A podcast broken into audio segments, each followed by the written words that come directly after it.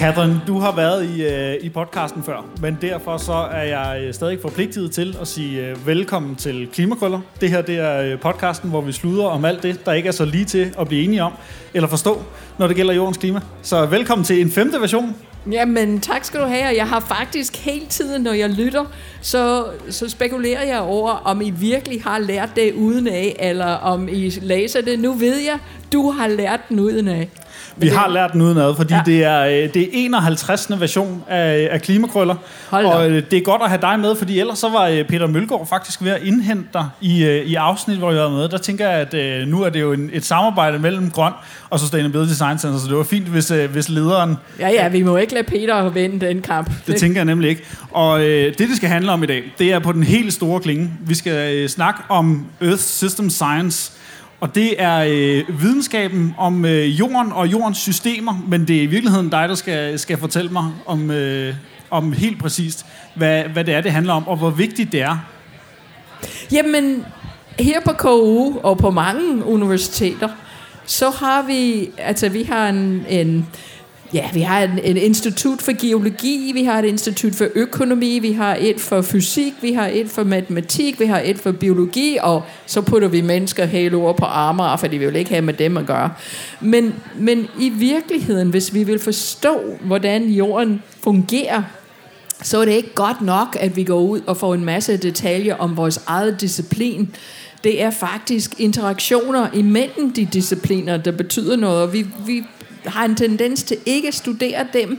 Og, og Earth System Science handler om at se, hvordan er det, at biologi, kemi, mennesker og altså fysikken, hvordan, hvordan, altså, hvordan er det, de spiller sammen til at lave den verden, som vi nu der godt af?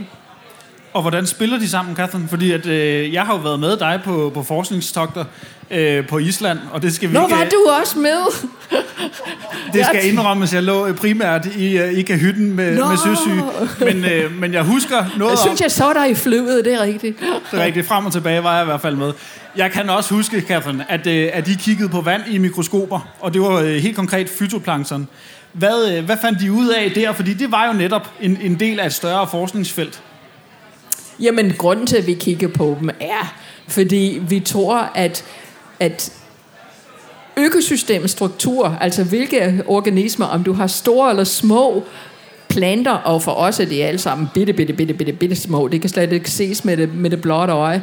Men, men størrelsesforskel imellem dem er i virkeligheden enorm. Altså, hvis du siger på volumen, så er der altså større en forskel mellem en mus og en elefant. Og vi ved godt, at mus og elefanter, de, de, altså, de gør forskellige ting i naturen, og elefanter synker hurtigere end mus. Og det samme er med de store og de små fytoplankton. Og så tror vi, at, at, at forskellige økosystemstrukturer har påvirket klima forskelligt, fordi det kunne trække mere eller mindre CO2 ud af atmosfæren.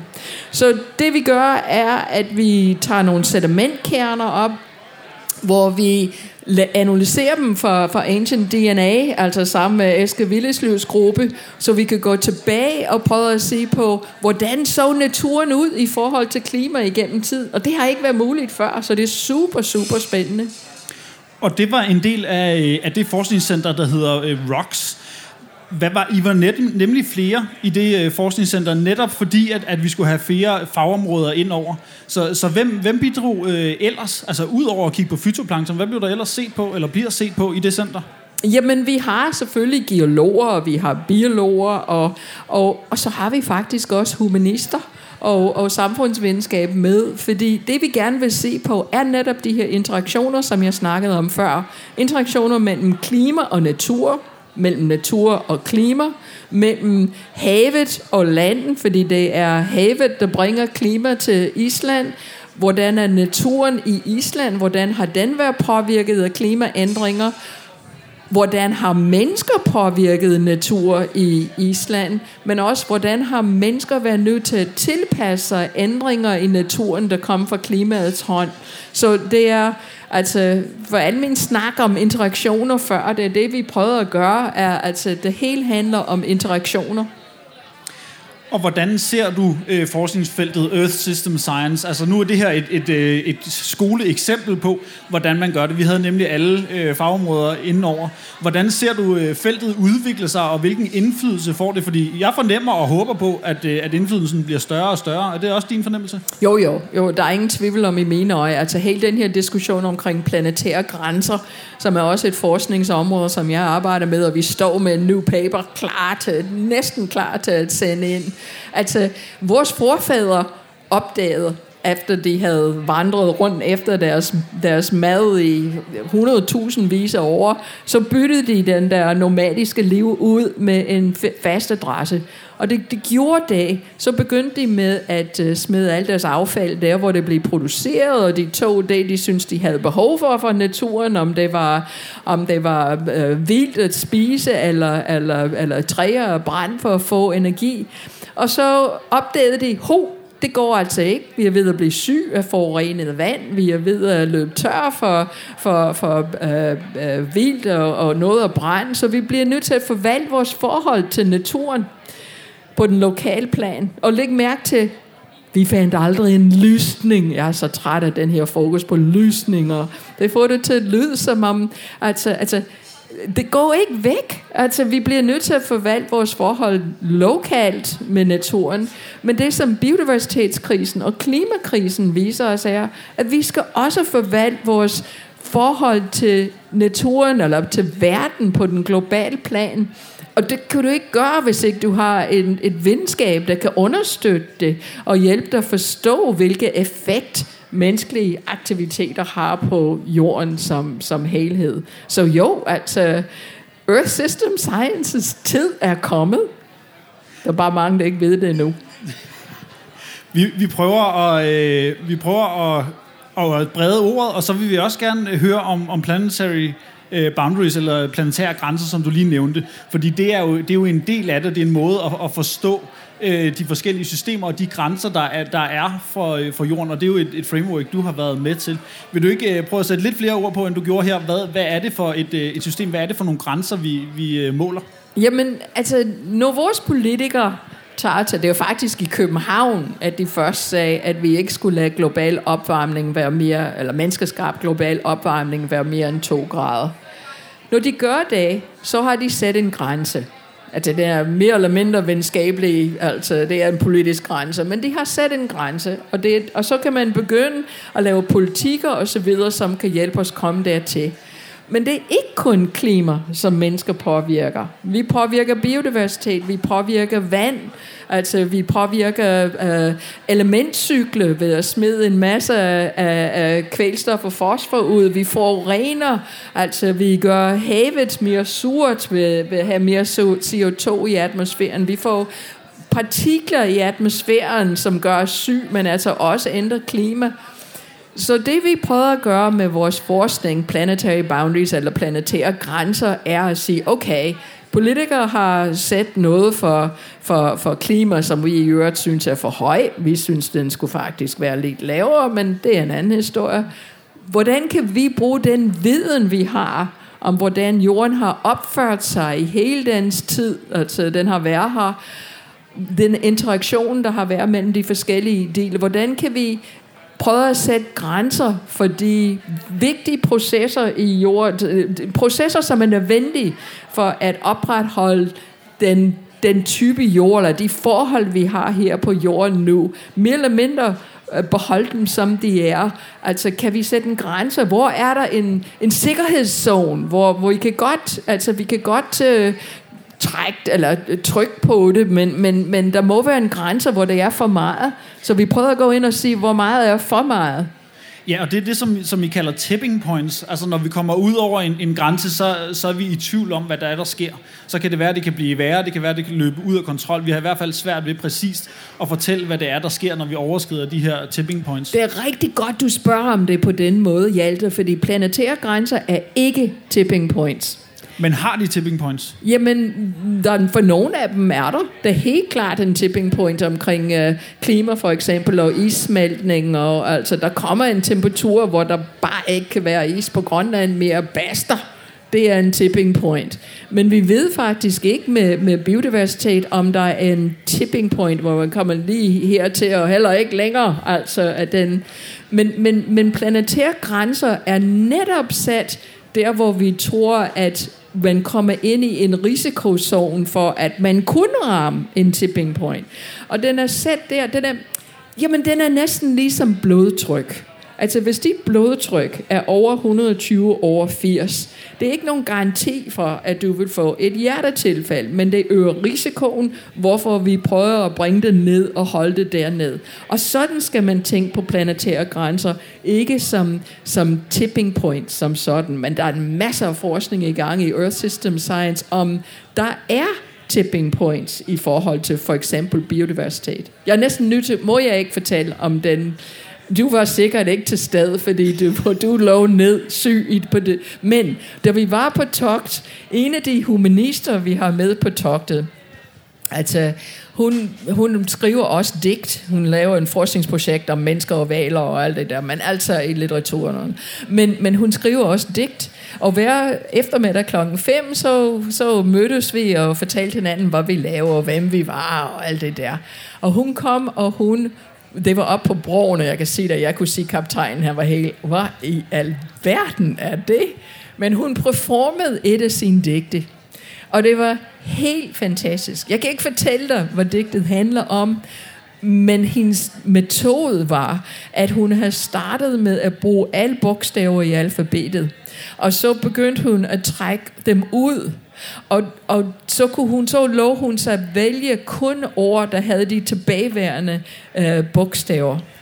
Og i starten var det nemt nok at forstå det, hun ville sige. Altså, sproget var ikke nær så blomstrende som, som i starten, men man kunne forstå det.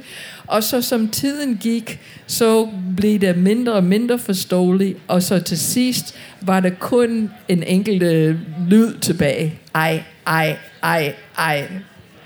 Og så kiggede hun op og sagde, det var arter, der forsvandt. Yes! Pludselig kunne jeg se det for mig. Altså i, altså i biodiversitet og biodiversitetsforskning, så kigger vi på enkelte arter, og vi tæller, om de er død eller ikke død. Altså, men, men det er bare bogstaver. Vi kender ikke engang alle bogstaverne endnu. Vi kan måske nogle få år, fordi vi har forstået økosystemer rimelig godt, men jeg tænker på de hieroglyfiske, dengang man skulle lære at læse de egyptiske hieroglyfer der. Altså, det tog rigtig lang tid at lære sproget ud fra de ord, man kunne forstå, eller de bogstaver. Og der er vi, når vi prøver at kigge på den interaktion mellem biosfæren, det vil sige alle levende organismer og, og klima eller, eller jorden. Men altså, vi tror, at klimaet er, klimaet er et og alt, men hver planet har et klima. Jeg havde, øh, jeg havde stoppet dig tidligere, hvis det kun havde været os to, Catherine, fordi jeg var faktisk på benene til, øh, til det digt, og husker det øh, lige så godt, som, øh, som du nå, gjorde. Nå, nå, det Men det, det, var en, en rigtig, det, det var en øjenåbner, og det var, det var en fed måde at, at formidle det på. Jeg vil gerne spørge ind til, øh, til det paper, som, øh, som du snakker om, som I ikke har sendt ind endnu. Så det er nok begrænset, yes. hvor meget du kan sige. Yes. Men derfor så, øh, så vil jeg stadigvæk lige høre, hvor meget du kan sige om, øh, hvad, hvad der sker øh, på, øh, altså, på det, det forreste af, af forskningsfeltet lige nu. Jamen altså, på de tidligere planetære grænser papers har vi ikke været i stand til at... Der er nogle af dem, hvor vi har nødt til at sige, det, det, altså hvor med partikler i atmosfæren for eksempel. Altså, hvor sætter vi grænsen? Det synes vi ikke, vi, vi vidste um, og ligeledes med, med uh, forurening. Der, der, på den her, I den her paper, så sætter vi, eller foreslår vi en grænse for alle ni af de forskellige uh, um, uh, processer i jordsystemet. Og jeg kan sige, at for seks af dem er vi på den forkerte side. For en går den i den rigtige retning. Og det er interessant, fordi det er ozone. Og det er der, hvor vi har faktisk en international aftale, og vi har lavet nogle internationale øh, mål der. Vi kommer med, øh, og for alle dem, der var overskrevet i 2015, de er værre nu, end de var før, så det går absolut i den forkerte retning. Og, og så kommer vi faktisk med et forslag til, til hvordan man kunne måske laver en metric eller noget måde, vi kan måle på vores øh, effekt på biodiversitet. Det er jeg meget, meget spændt på, um, hvordan den bliver modtaget. Det lyder helt vildt spændt. Hvor, øh, hvor langt skal vi kigge ud i fremtiden, før at... Øh... Oh, forhåbentlig ikke så langt. Um, at, uh, vores mål var, at den skulle absolut indsendes i marts måned. Så, så den er lige op over. Det er godt. Kan øh, nu har vi faktisk tid til, øh, til en ting mere, som jeg håbede, vi ville få, øh, få tid til, som er, øh, er mere, øh, det er ikke mere aktuelt, end det vi lige har snakket om, men det er, øh, det er lige så aktuelt, fordi regeringen er kommet med en, øh, en CO2-skat. Yes. Og, det er noget, I beskæftiget jer noget med i det her klimakrøller, har jeg Det bruger vi nemlig lang tid på. Vi er cirka lige så lang tid, som, øh, som vi bruger på, øh, på landbruget og fødevare. Det er også øh, det er vigtige emner. Det, det synes vi jo i hvert fald. Ja. Øhm, og, og det har den her CO2-skat også været. Ida Augen lovede også det i, i forbindelse med, at, at hendes afsnit udkom. Det hørte jeg. og, og ganske rigtigt, øhm, så kom der en, en CO2-skat. Ej, et forslag. Et forslag til et CO2. Regeringsudspil til det. Yes, lige præcis. Hvad synes vi om det i Klimakrøller? Jamen, øh, vi skal have en CO2-pris. Det er der ingen tvivl om. Altså, så, så det, det er godt nyt. Um, jeg er ikke så begejstret for måde, visse måder, at den er blevet sat sammen på. Det vil være en ting, hvis, hvis Aalborg Portland var verdens førende inden for, for um, klima, uh, altså at modvirke klima med cementproduktion, det er de desværre ikke. Så, så at give dem så store, eller foreslå så stor en rabat, så kan man spørge sig selv, om der virkelig er den store pres til at prøve at, at ændre sig. Men at, at det nu står kristalklart, at der kommer en uh, CO2-afgift. Det synes jeg er super, super godt. Vi mangler bare landbrug. Og um, det, jeg ved godt, det er en svær nød at knække, men, um, men uh, vi venter spændt til på næste år, når vi, vi får regeringsudspil der. Ja. Og først skal vi have uh, uh, spare kommissionens uh, fine ord, men, uh, men uh, det er vigtigt, at, at også land, landbrug er det eneste øh, sektor, der, der ikke er, er altså klima har en klimaafgift af en eller anden art er reguleret på det her område. Så, så det, det skal ændre. Det er ikke, fordi jeg vil lukke landbrug, men, men øhm, vi, skal, vi skal omdanne den, og vi kommer ikke til at omdanne den, hvis ikke vi giver nogen pres i den retning. Nej, fordi det har jo også været lidt øh, op til debat. Du, øh, du deltog i, øh, i en artikelserie fra øh, Zetland, som hed øh, en, en utopi i 2050. Og der havde du netop øh, en, nogle, nogle kommentarer og, og visioner for øh, dansk landbrug, som ikke var at lukke dem. Men, nej, nej. Øh, men der var jo nogen, som, øh, som, øh, som ikke var tilfredse. Jamen nu, nu skal I... Jamen, der er to ting i det her. Det første er, at, at, um, at det jeg sagde, at hvis vi producerer kød i 2050, og det tror jeg faktisk, vi vil, så vil det være i lukkede systemer. Fordi man må ikke lade drivhusgas og, og øh, øh, pesticider og, og øh, øh, næringssalt komme ud i det åbne miljø, og det vil kræve nogle ændringer i den, den struktur, vi har osv. Og mange mennesker bliver stødt, fordi altså, altså dyrevelfærd, når man kommer i lukkede systemer, men faktisk at det ikke være anderledes end i dag, for hvor langt hovedparten af, af, af de danske dyr kommer aldrig ud af en stald. Så jeg foreslår bare nogle tekniske ændringer. Så det var der, hvor den, den offentlige diskussion var, men jeg har haft en meget morsom oplevelse siden, fordi jeg fik en mail fra en for Landbrug og Fødevare. Hmm, interessant øh, forslag, du har, eller vision, du har for 2050. Og jo, jeg kan godt se fornuften i at lave lukkede systemer i forhold til at få næringssalt ud i det åbne miljø og drivhusgasser. Men der er overhovedet ingen grund til at gøre det for pesticider, fordi pesticider er hurtigt nedbrydelige, og så er de ude af systemet. Så jeg var nødt til at skrive tilbage og sige, jamen, hvis vi laver lukket systemet af hensyn til de andre, hvor vil meningen være ved at smide pesticider ud i naturen? Jeg har ikke hørt fra, fra ham siden, men, uh, men uh, det er en lidt underlig tankegang, at det er helt okay at smide pesticider ud, selvom vi har vores landbrug i lukkede indendørs systemer. Catherine, vi kom øh, vidt omkring i, øh, i det her afsnit. Det var noget længere, end øh, de normale klimakrøgle afsnit øh, plejer at være. Det er jeg glad for. Og, øh, og jeg Du håber, plejer at klippe og klistre. Det er rigtigt. Så bliver det skarpest. Jeg vil gerne sige uh, tusind tak for, at uh, du har lyst til at komme her til den første live-version. Og så vil jeg sige til uh, alle, der lytter med, både digitalt og til stede, at uh, vi selvfølgelig kommer til at, at følge op på de emner, vi har, uh, har diskuteret, og uh, ikke er, er kommet helt i mål med, blandt andet en uh, CO2-afgift. Tak, Hjalte. Tak.